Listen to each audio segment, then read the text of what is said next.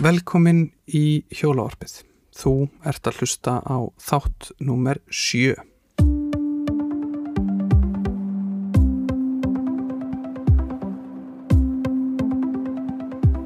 Hjólavarpið er í bóði örnu, vinalegu mjölkurvinnslunar að vestan. Hjólavarpið er hlaðvarp og því líður best þegar fólk hlustar á það. Svo að sem flest geti notið þess að þá skiptir miklu máli að gefa þessu engun og sömulegis að fylgja þættinum. Follow us.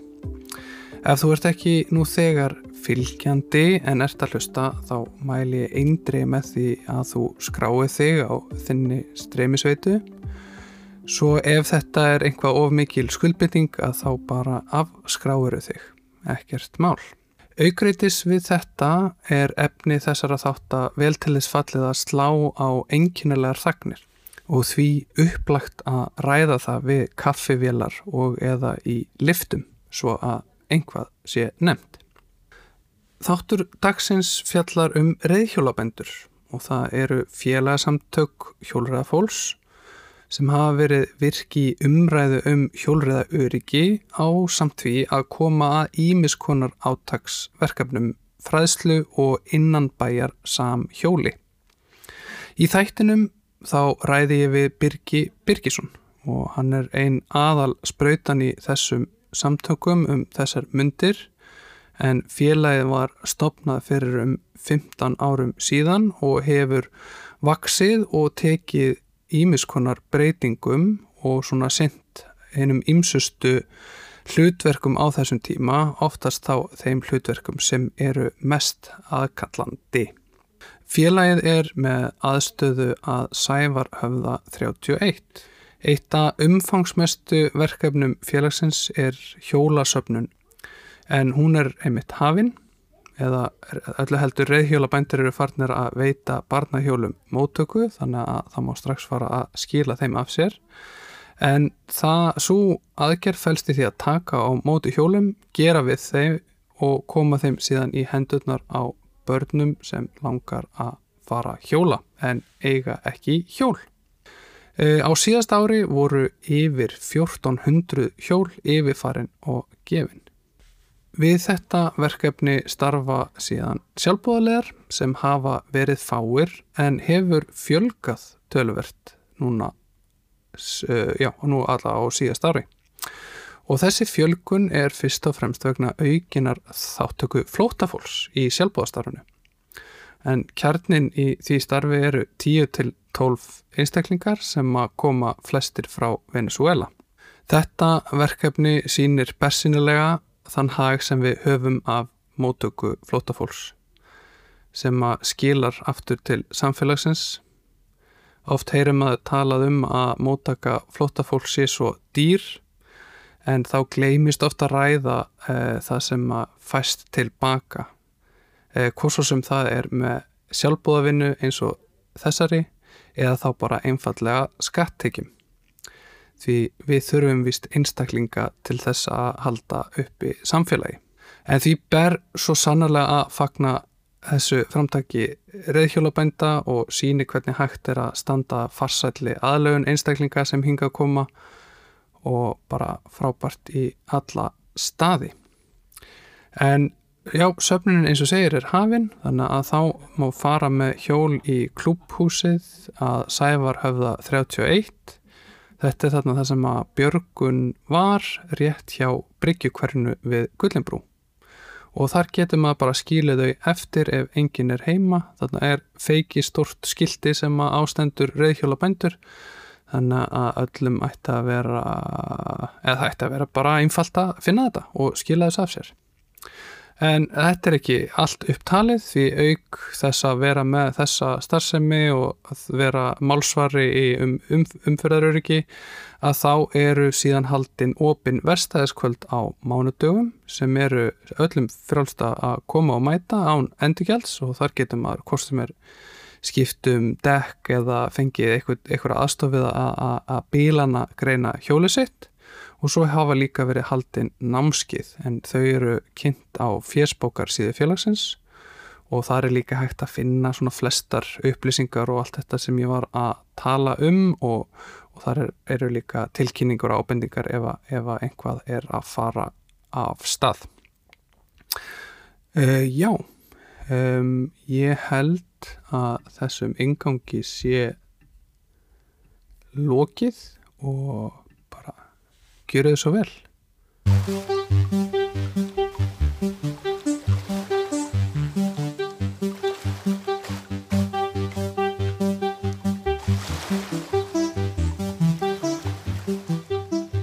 Ég heiti Birgir Víksson og er formadur Eithjólabanda og við erum stættir hérna á vestæðir Eithjólabanda á Sæðuræða 31 það sem er svona klúb aðstæða og vestæði. Uh, ég hef verið formadur Eithjólabanda núna í þrjú ár og, og hérna unnið mest að því að byggja upp þessa aðstöðu.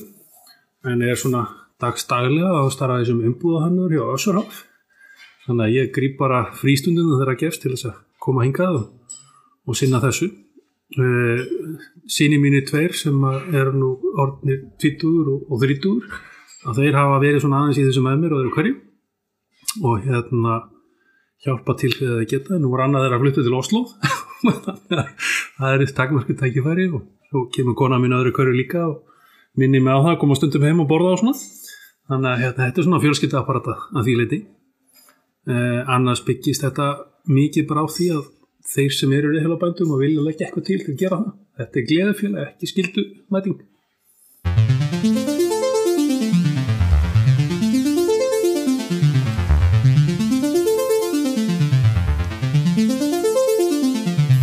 Uh, Jável þó ég hafi notað hjóla til samganga, ég manni bjóð í 14 ári í Danmörku og þá kjænst maður ekki hjá því. Uh, Hjælt þessu svo áfram þegar ég flutti aftur til Íslands og hjólaði tvö ár frá Árbænum og út á Kásnæs í vinnunum á þangað þótti það ægilega langt til að byrja með en svo eftir bara stutt á tíma var það ekki mál þannig að þegar ég nota hjólaður einhverju tilgjangi þá er það til þess að komast út í náttúruna það er til þess að vera einn með einn hugsunum ég er pínu svona örstundum og á erfitt með að láta nýsköpunum að eiga sig. Þannig að það að komast út í langan og góðan hjólatúr vera ekki með músikeirana heldur hlusta á náttúruna og umhverfið það er mitt sem sko fyrir, ef, ef við teljum frá þetta sem bad þú veist, þetta hjóla allir sem bad bara til að komast í vinnan og allt það, ef við teljum það frá mm -hmm. þá syns að hjóla ég til og frá vinnu í Danmarku og, og, og með börnun á leikskóla og allt, svo, bara meira nöðsin heldur en nokkuð annað, venst þessu þar. Svo þegar ég flytt heim 2011 þá er ég svo heppin að ég er á vinnustaf þar sem að einn af uh, verkfræðingunum á banku lauf fyrirtæki að starfa. Og hann dregur okkur vinnufélagana í blálanströytina og upp úr því fer ég að taka þátt í kerkni hef gaman af því. En svo svona fer það að láta aðeins undan og hérna, ég fer meira einbættu með bara mínum eigin túrum og, og svo leiðis uh, og það er eins og ég segi þessi laungu túrar þar sem maður fer og er bara einn með sjálfum sér það er, er ég búin að finna að er svona það sem á best við mig. Nú er ég að við ekki að ég er búin að gleyma hvað spurningin var, ég vona þessi komið hringir. Já, það var mér bara svona hvernig svona Hvar, hvar er þetta byrjaði? Já, nákvæmlega, það var sem sagt út frá þessu að vera að vinna á sama stað og einna verkræðingunum hann á bakvið löfulausninnar sem að kvarti fólk áfram. Það opnaði það fyrir mér, annars að ég aldrei farið út í það. Mm -hmm. mér fannst ég ekki eiga neitt einnig í það. Mm.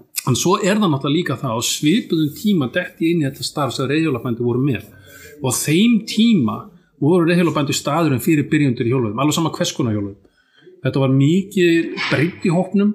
Þetta er svona á þeim tíma þegar að Vá Cyclotron-keppnin er svona að ná miklu vinsaldum, hún er að stíga upp úr því sem hún var fyrst og verða þessi útbreyta fjölda þáttaka.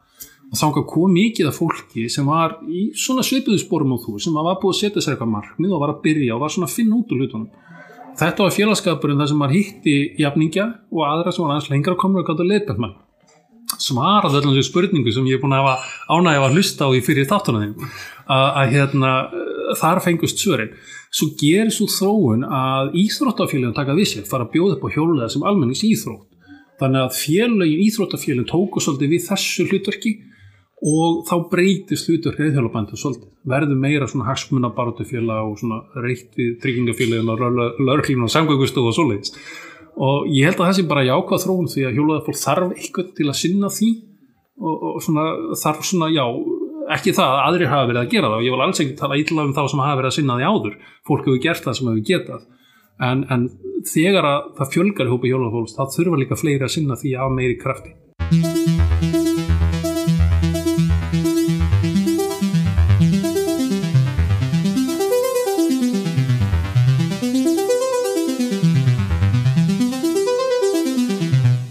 svolítið löng saga að segja frá því en svona í stuttumáli að þá tókum við við framkvæmdini á þessari hjólasöfnum bannahella þetta er verkefni sem búið að keira í held ég 12 ár og alltaf verið kyrt á vorin bara í stuttan tíma út af aðstöðuleysi. Barnahella var fengið lánað innaðarhúsna eitthvað staðar í 6 vikur safnað sjálfbáðaliðum, gert við allt það sem þau komist yfir á þeim tíma og svo dreift og gefið. Nú erum við svo heppin að hafa aðstöðun allt árið kring.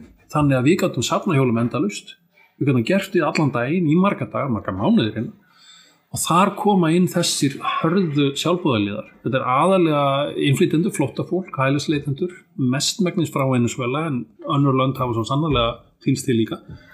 Og hafa verið hérna alveg hörgu dúlegt fólk, unnið marga klukkutíma dag, marga dagiröð og mér finnst það frábærast að margt af þessu fólki er að koma hjólandi úr hafnafriði, þú veist, rúma klukkutíma til þess að koma að vinna hér sex tíma og hjóla svo tilbaka til hafnafriðar og eina greiðsla sem þið fá fyrir er að fá annót af hjólum í þessa hjólatúra fram og tilbaka. Eh, og já, hérna voru tveira kveða okkur sem eru búin að vera núna hérna í kvöld að gera við síðustu hjólinn sem hafa sapnast og við áttum eftir að laga. Þegar ég byrjaði þessu þetta óraði mikið fyrir því hvaða eru margir þræður þar sem við getum haft eitthvað að segja og haft einhver áhrif og gert eitthvað. Það er svo ofbáslega mikil þörfa eins og ég nefndi á það það er svo margir sem vilja gera fyrir hjólaða fólk en við veit ekki alveg hvernig.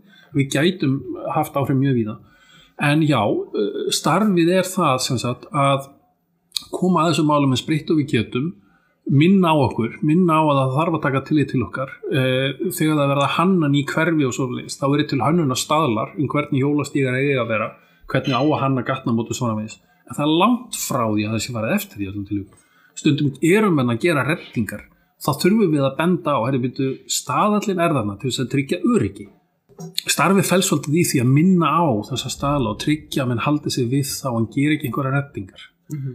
og uh, talandi um framkvæmdir og þá til dæmis bara það að tryggja þessi góðar hjáliður fyrir hjólandum fyrir framhjá þar sem að nöðsilega framkvæmdir er það er bara örgisætriði að sagt, fólk þurfi ekki að hjóla yfir gljúpa möl heldur það sé hart undirlag. Þannig að fólk komist í vinnuna og tilbaka helst líka. Eh, og það hefur vantað aðila sem að sinnir þessu í núinu.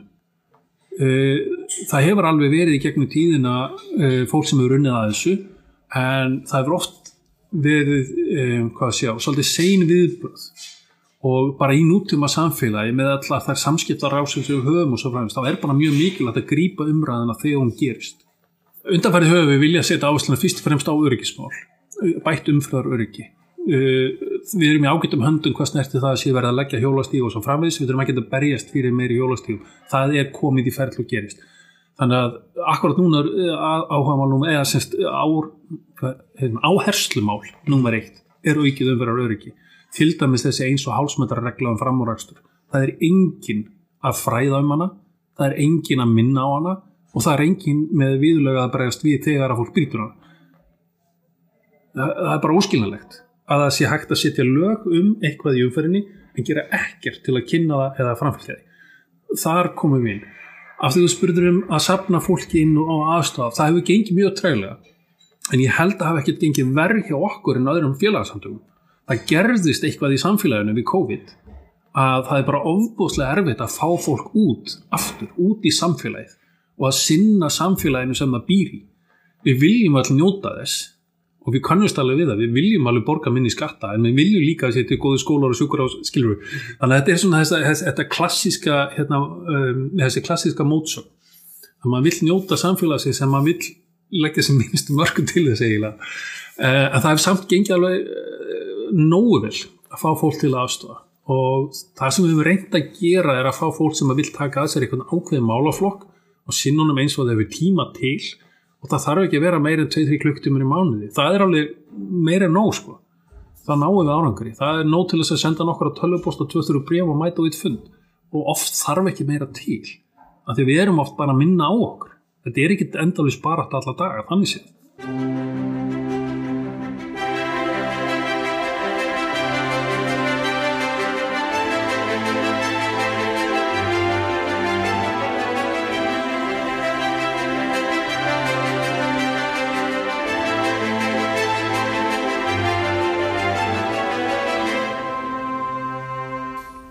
Eins og kom fram í ingangi þáttarins að þá er nokkuð mikill fjöldi fólks af erlendum upprána og flóta fólks sem að hjólar hvaðanæfa að úr borginni til þess að aðstóða við að gera við hjól eða gera við barnahjól sem síðan eru gefin. Og því spurði ég Birgi hvort að þessi mikla þáttaka hefði komið honum á óvart. Sko já, ég verði að segja að það kom svo litið óvart hvað hann var mikil. Uh, ég held að þegar maður leggur þetta saman, hérna komið fólk sem að kann eitthvað og getur eitthvað en eru reyn og verið bannað að leggja til samfélagsins, allavega meðan það er þessari byðstöð að hafa ekki kennetölu og vera ekki samþýtt inn í samfélagi og ég held við getum ímda okkur hvernig það er að þurfa að sýta ekki stóra hótelhörbyggi allan daginn og býða fleiri mánuði eftir niðurst í einhverju sem við vitum ekki hvernig fer fram. Maður er því störtlaðar á því þannig að það að hafa eitthvað sem maður getur mætt í og kalla sína vinnu fólk er mjög feið að taka þátt í því. Þannig ég sé það alveg frá því þeim sjónarhóðni þess vegna kannski kom fleira fólk og bauðst til þess aðstofa enn í áttu vona um, en það er líka það að hjólriðar eru svo einstaklega þessu leiti að það tengja fólk svo vel við nærumhverju sér ef þú ferð út í hjólatúr þá sérðu þitt umhverfi. Þú upplifir hlýðagötunar ef þú ert forveitur um einhver stík sem þú veist ekki hvort fyrir þá bara bróður á hjólan og í vestafalli snýruðu við Veist, þetta er svolítið annað en ef maður er að ferðast um í bíl til dæmis eða strætó þú ákveður ekki endilega hvert þú ert að fara. Þú verður að fara strætóliðina og þú verður að keira það götu sem mátt ekki hlýðagötuna sem er einstæfn þannig að á hjóla ertu miklu frálsari það er miklu meiri líkur á að þú heilsir fólki og spjallir við það. Þú finnir lyktin af náttúrunu umhverf, skilur, þetta er allt annað. Eh, svo eru hjólaða líka þannig að þó að það séu svo litið tæknilegar að ef þú ert að einföldu hjóli þá getur þú lært á 10-15 mínútum að sinna viðhaldun á því. Og um leið og kanta fyrir þetta og það getur hjálpa nákvæmnaðinu sem er að svita í hjóli. Þannig að við höfum getað kent fólki handverk sem það svo nýtir þegar það kemur inn í samfélagið fullu. Það eru tveir sem að voru aðstóða okkur í fyrra e, við svona litla útgáfa þessu samanverkefni sem að hafa verið fullu starfi á viðkyndur ehjólavestæði hérna í ár. Þannig að það er alveg hægt að, læra þessa færni nógu vel á stuttum tíma. Eh, þannig að þessi tengsl innflytjenda fyrir svo utan náttúrulega tungumálakjænsluna sem fylgir. Ekki bara er hérna hópur af fólki sem kunni ekkert nema spænsku fyrir árið síðan byrjað að læra íslensku og læra teknileg hugtök eins og bremsur og gýrar og hannað heldur eru við hérna hínum með líka þannig að kunna þessi hugtök og spænsku. Þetta er alveg svona international exchange að við má sletta þess um, líka annað það má ekki glemja því að hjóla söpnunin heitir hjólasöfnum barnahill hún byrjar sem bara söfnun á barnahjólum. Og ef við hugsaum um heim barsins þegar að maður fær sitt fyrsta hjól og, og er farin sjálfstæður í að fara ekki bara umhverfið heldur jafnvel bara á millikverfa heimsækja vínuna þegar maður ræður sjálf eða þegar maður vil sjálfur og svo framvegist þar er stóra frelsistökkið en svo setna og þegar maður er komin eins og þetta innflýtjandi nýtt land sem maður þekkir ekki það er allt annað að læra að þekkja umhverfið og rata um borgina hjólandi heldur en ef þú lærir að þekkja borgina bara strætóliðnar og þarfst svo að byggja utan á það. Skilju, ef grunnkortið er strætóliðnar og svo þarfst þú að læra hlýðaðgötun út frá því, það er allt annað heldur en þú lærir út frá það sem þú býrð og byggir kortið upp þaðan. Og það er miklu meira með inn á það kort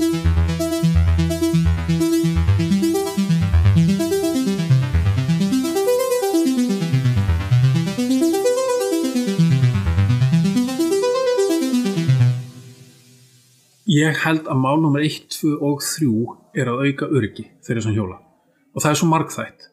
Það er bæði e, fræðslan til þeirra sem hjóla en líka og alls ekki síðu til aukumanna. Mér vitanlega þá er ekkert kent í aukukennslu um samspil aðgátt á hjólandi. Það er alveg örugt að allir aukukennar fara yfir það og kenna sínu nefndum að passa sig á þeim sem er á hjóla því að það verður árastuð mellir hjólandi og bíls þá er það sá hjólandi sem meði sem mest það er engin spurning. Þannig ég er ekki að væna aukakennar um að sinna ekki sínu starfi. En samspil agandi á hjólandi er svo miklu meira en það að hjólandi passi sig á bílunum aukum að passi á að keira ekki niður eitthvað. Það er bara miklu meira en það. Um, þannig að umfyrðar öryggi er aðtöðu nr. 1, 2 og 3 það er annað í þessu.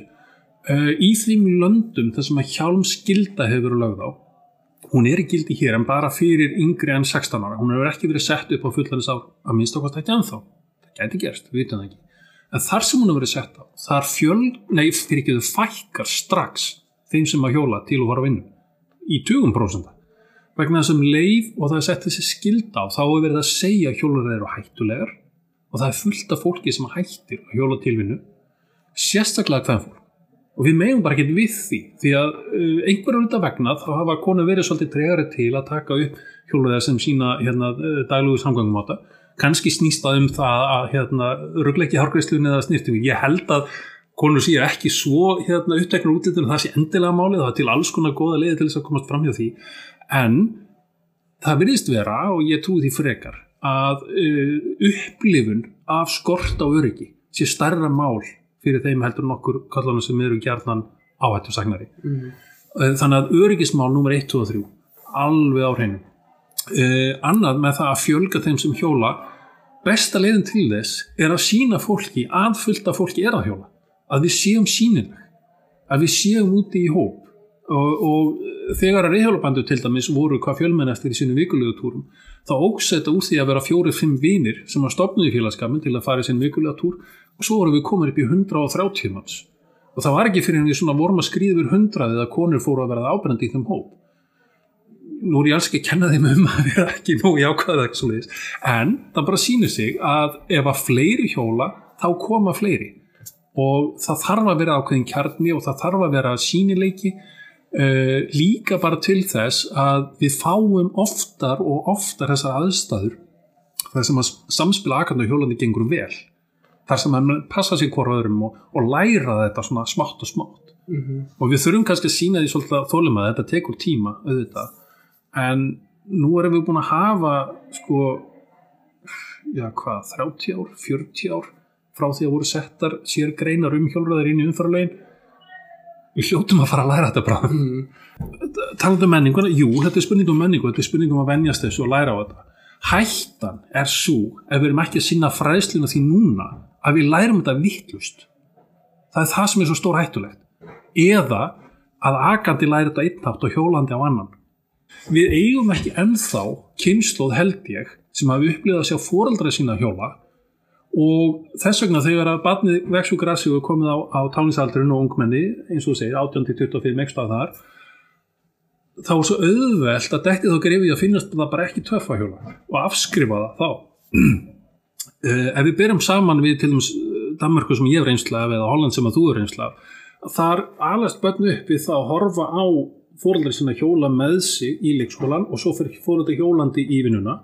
Þannig að þegar þú kemur á bílbrúsaldur fyrir utan það að í þessu löndum er dýrara og flóknara málhættin hér að, taka bílbrúðum skilst að þá er sko hindrunan að sjá sjálfan sig hjólandi sem fullan en einstakling er svo miklu starri hér. Það bara líkur ekki í okkar menningu ennþá því miður. Eh, þess vegna sjáum við það líka til dæmis að því ég nefndi hjálmskildu á þann að eini aldurshópur þar sem að hjálmnotkun er ekki nálagt 90% það er þarna 13 til 18 eða ekki starf því bíli þar er að segja að bílprófsaldurinn er yfirváðandi og þá sleppum við hjálmunum og verðum áhættusagnari og eitthvað svo leiðis og þetta fylgir alveg í kjölfari þar er að segja að við verðum áhættusagnari, sleppum hjálmunum þegar við hjólum, svo förum við yfir engabílin og, og förum við að taka enn meira áhættu. Þetta er mjög slæmt og við þurfum að brjóta þessa kurv Eh, þá fáum við hérna ábergari bílstjóra, við fáum fólk sem að kannski tekur ekki alveg sjálfkrafa stökkið af hjólunni yfir bílin. Eh, þetta er að koma en, en það gengur bara skaplega hægt við.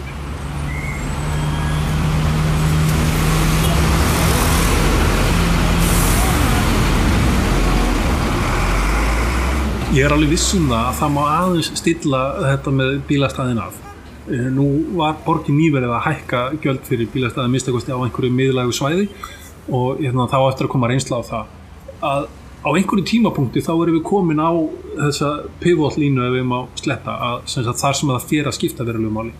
Ég held að við Íslendingar erum almennt og kannski sérstaklega við sem búum í mesta þétti við erum svo ofbóstlega háð og meðvirk á vön bílnum að það þarf mikið til að við hugsaum um það á breytinni. Um, það, það, það er eiginlega verst líka að eins og með önnur svona afnóta gjöld, hvort sem eru bílastæði eða videospólur sem voru ekki skila á réttum tíma eða eitthvað, að þeir sem að hérna, hafa bestu tekinar að þá munar ekki um þetta, þetta er bara auka gjald og skiptir ekki máli.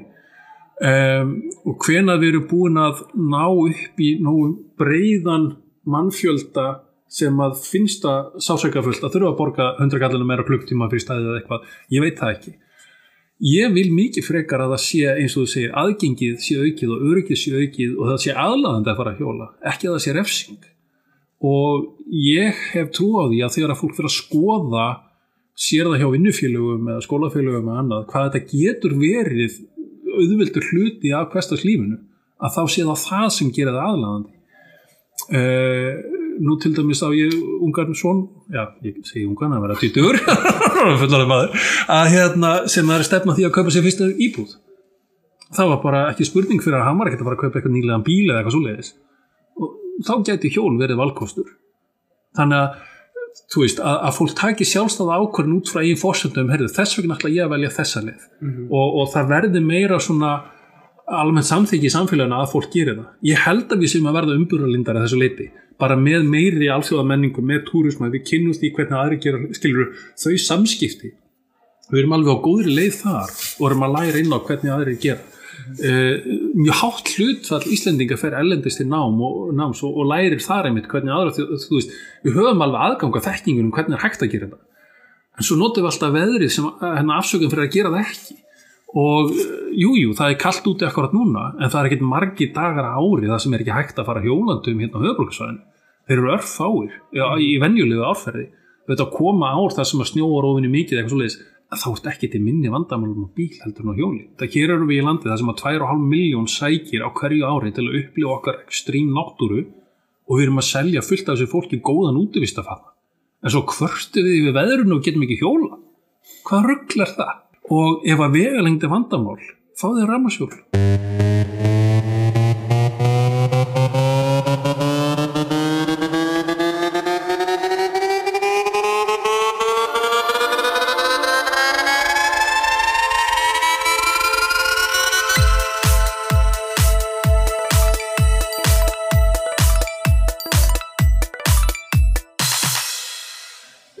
sko stóra breytingi finnst mér á þessum tíma að vera svo að nú eru hjólaðar alls konar.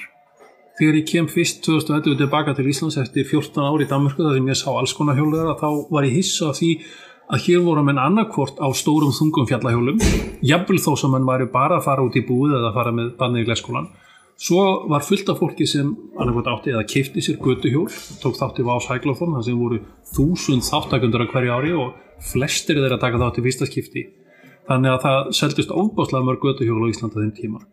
Eh, en svo er núna að opnast fyrir, finnst mér, meira og meira að fólk er að kaupa sér hjól sem henda fyrir þann lífstíl sem fólk lifir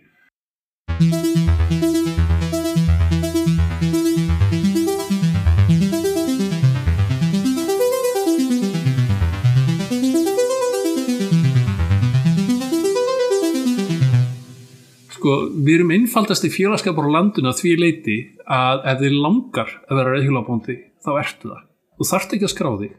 Það kostar ekki neitt. Við erum á Facebook og þú finnur okkur auðvitað ef þú hefur eitthvað til málan að leggja láttu þá ég þér heyra, þetta er eins auðvilt og það getur verið. Og við vorum öll eitthvað tíma byrjandur og við reynum að hafa það ennþá eins og það var í bændarundunum í gamla daga að ef það kemur eitthvað inn nýr og segja hei, ég er hérna, ég er að læra á þetta, ég kann ekki neitt, vil ég kenna mér að það reynum að gera það á jákvæðan og skemmtilegan hátt. Við erum ekki snobbklúpur sem að brýta fólk niður fyrir það að vera byrjandur. Um, við erum ekki rókafullt keppnisfélag sem vill ekki kannast við það að hafa verið byrjandur ekkert tíma. Nei, nei, þetta er kannski svolítið ítt, en þú skilir hvað við. við. Við reynum að taka vel á móti byrjandum að reyna að leiðbenna og sína og kenna við erum eins og andrir klubbar að því leiti að við erum mjög ólík. Það er næstu 9000 mann sem skráður í Facebook-grúpun okkar og það er alls konar skoðanir. Það er engin einn rétt.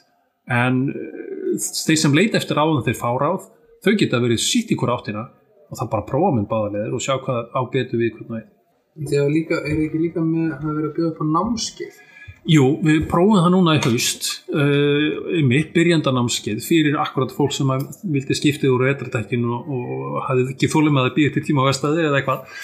Og það var mjög vel tekið í það. Og ég verði að rósa hvem fólkinu fyrir að vera duðlegt að mæta. Fyrst þá voru það svolítið trefað til að skrá sig og það ákveði að bjóða upp á einn dag sem er þið bara dömu frí, það er þið bara hérna, hvem fólk á, á þeim námskeiðum og um leið og það var í bóði að þá opnuðist bara allar flóðgáttir og það fylltist öll hvað fólki. Þannig að ég held að 60% af þeim sem komi hafa verið konur og við kendum bara svona þessi grunnatriði. En ég held í mig þessi á flestu námskeiðum þá gafst auka tími til að fara í aðeins fleiri hluti líka. Og það er það sem er svo frábært um ándaskvöldin að fólk getur komið með hvaða vandamál sem er að leita aðstofar og, og við erum svo hefnir að í sjálfbæðilega hóknum okkar er fólk sem er með mikla reynslu. Þannig að hérna ég ætla ekki að fullera það við leysum öll vandamáli, við getum alltaf leiðbent fólki, þó ekki vera annað að hérna, geta það sagt hvað er líklega orsök og hvernig er líklega viðgerðin þó við getum ekki kannski sjálfur útfært mm -hmm.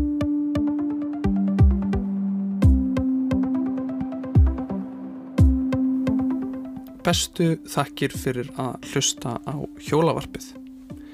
Hjólavarpið er eins og oft hefur komið fram áður í bóði örnu sem að framleiðir hinn ímsasta varning úr mjölk og líka einhverju öðru af því að fyrir þetta hefur bæst eitthvað skonar havra gúmelaði eh, en ég ætla að minna ykkur á að fylgja þættinum. Það gefur okkur eh, mikið þrek og styrk að vita að þið séð að fylgjast með en ekki síst gefur það eitthvað með þetta algrími að gera sem að bætir þá eða eigu líkurnar á því að fleiri geti fundið þáttinn og fylst með þessari snild og lagt sín lóð á vogarskálanar þegar kemur að því að berjast fyrir framgangi hjólreða á Íslandi.